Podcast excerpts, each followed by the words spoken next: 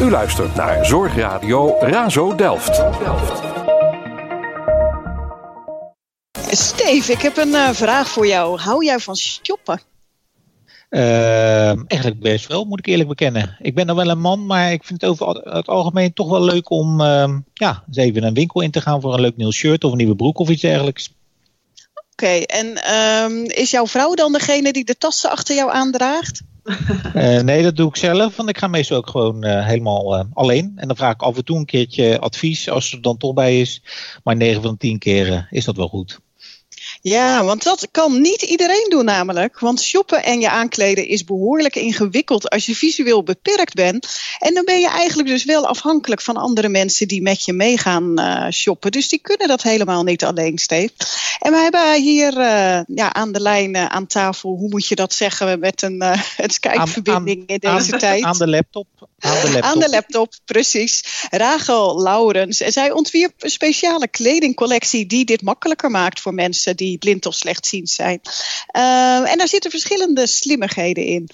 Uh, Rachel, hoe ben je erop gekomen om voor deze doelgroep kleding te gaan maken?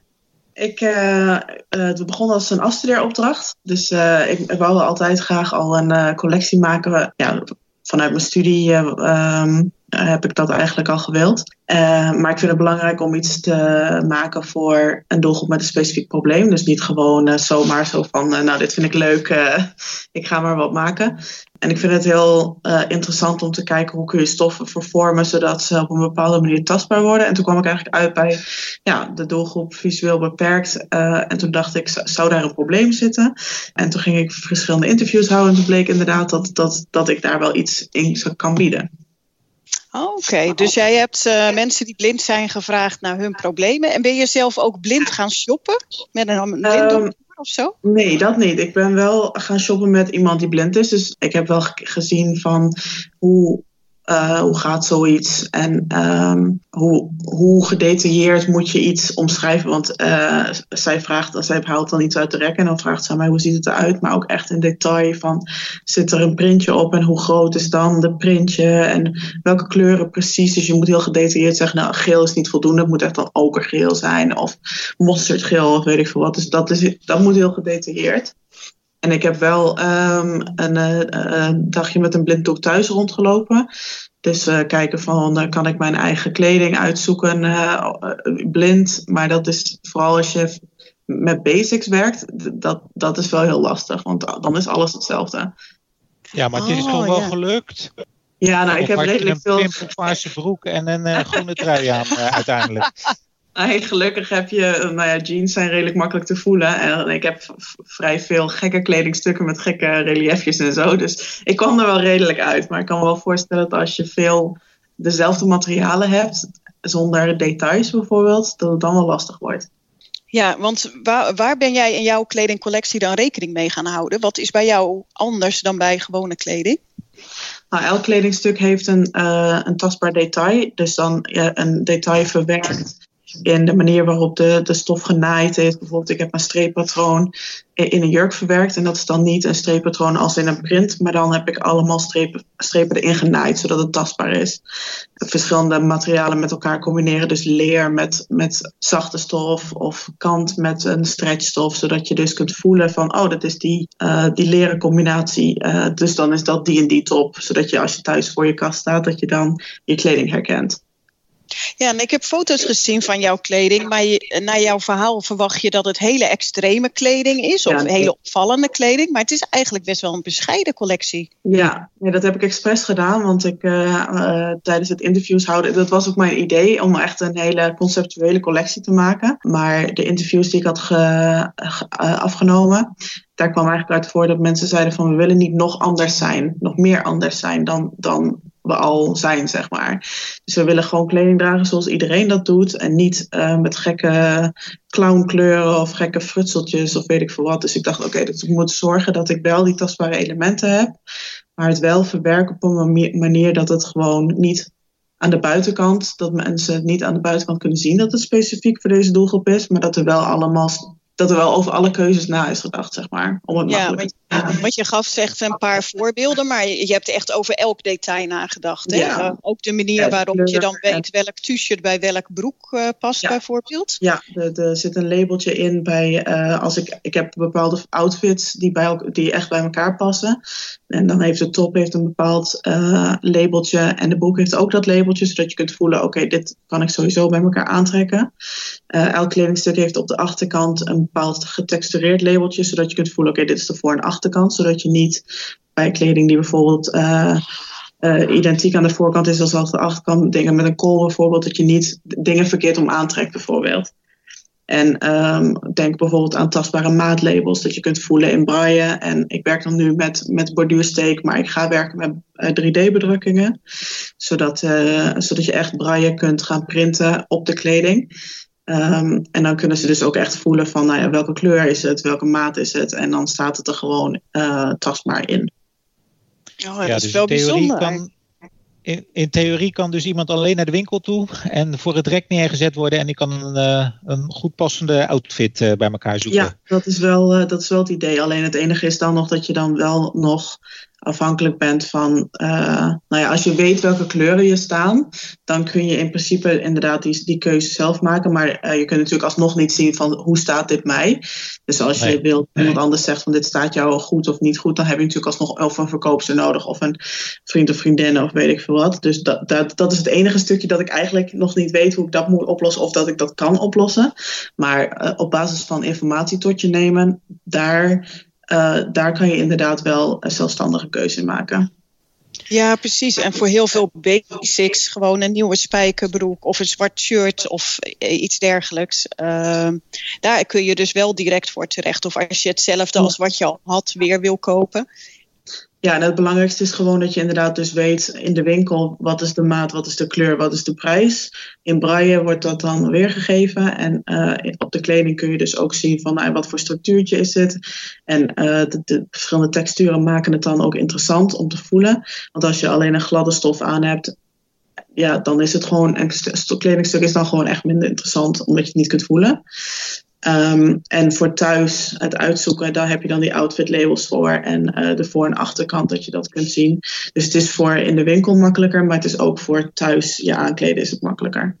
Ja, ja, ik begrijp het. Heb je ook al reacties gehad van blinden en slechtzienden die het uitgeprobeerd hebben? Ja, ik heb vorige, twee weken geleden heb ik de show gegeven. Uh, heb ik uh, de kleding allemaal gepresenteerd. Dus uh, toen had ik met een, ja, een soort modeshow. Um, had ik alle uh, mensen die kwamen die visueel beperkt zijn, kregen een koptelefoon op. En daar uh, heb ik gedetailleerd beschreven welke kledingstukken er over de catwalk kwamen.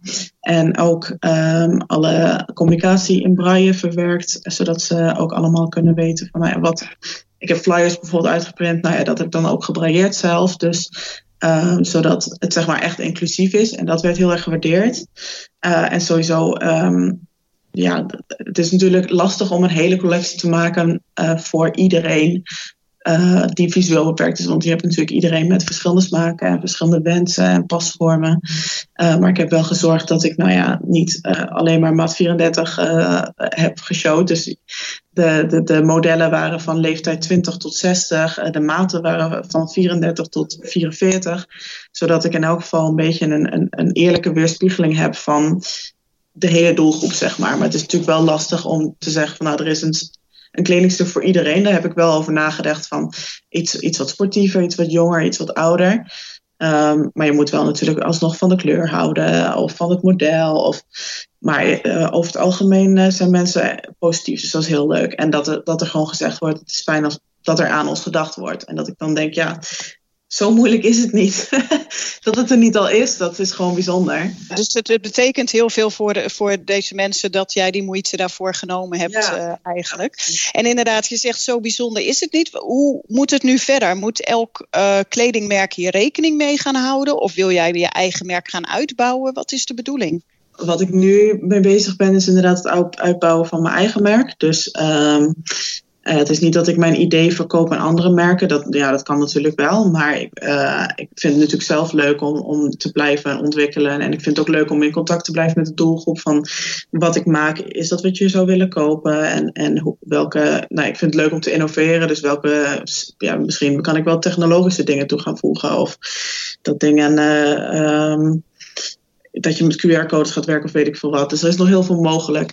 Um, maar ik wil wel gaan kijken of ik het echt kan gaan laten produceren. En dat het ook echt een voorraad heb, dat ik het echt kan gaan verkopen. Maar het zou natuurlijk super zijn als uh, meer modemerken zoiets zouden oppikken. Maar uh, het lastige is dat grote modemerken vaak uh, gaan voor de makkelijke winst. En dit is natuurlijk een relatief kleine doelgroep. En moet je relatief veel um, werk en energie insteken om zoiets ja, je, je kleding daarop aan te passen. En ja, mensen willen dat vaak niet. Nee, okay. is je kleding je... ook ergens al te koop? Ja, nou in principe verkoop ik het nu gewoon zelf. Dus als iemand interesse heeft, kan hij mij een berichtje sturen van nou, ik heb deze jurk gezien, vind ik hartstikke mooi, kan ik die bestellen. Um, maar ik uh, heb nog niet een punt. En sowieso is het lastig om in de coronatijd uh, een merk op te zetten. Omdat ja, winkels niet zijn. En, uh, ja, ik zou, ik zou graag door het land willen gaan om te zeggen van nou, um, breng je vriendinnen bij elkaar. Ik kom met de collectie langs. Je kunt lekker shoppen, lekker drankje erbij. Dat je echt een evenementje ervan maakt. Maar ja, dat kan natuurlijk nu niet. Dus ik ga nu een beetje kijken van, nou, wat, wat, ja, kan ik er een beetje voorraad van maken? Kan ik een beetje vooruit werken? En als dit allemaal voorbij is, dat ik dan ga kijken van, kan ik het gaan verkopen? Ja, nou dan kom je de zijde tijd gewoon alsnog een keer langs in de Razo-studio. En je ja. was, uh, zag ik op LinkedIn ook bezig met een crowdfund-actie? Ja, klopt. Ja, ik, uh, nou, het is, uh, ik, ben, ik ben net student af. Ik ben een paar maanden geleden afgestudeerd. Uh, en ik heb nog geen baan. Dus ik, de, de, alles wat ik van, voor het merk maak, dat komt in principe uit mijn eigen zak. En mijn zakken zijn niet zo diep. dus daarom heb ik een crowdfunding opgezet om te kijken van, nou, vind je dit, zou je dit willen steunen? Dan, dan kan dat via de crowdfunding. En ja, welke en site is, is dat? Het oh, is, jij uh, hebt helemaal niet genoemd. Je hebt helemaal gelijk, Steve. Dat is slordig van mij. Ja, we hebben de naam van jouw merk niet genoemd. Ja, Seafeel heet het. Dus uh, ja. zien, voelen, zeg maar. Dus wij zien het, zij voelen het. Ja, nou, goed heel, dat je het zegt, Steve. Maar welke website kunnen we crowdfunding uh, Ja, je kunt sowieso uh. Als je helemaal naar onder scrolt, dan heb je daar een link naar de, naar de doneren site.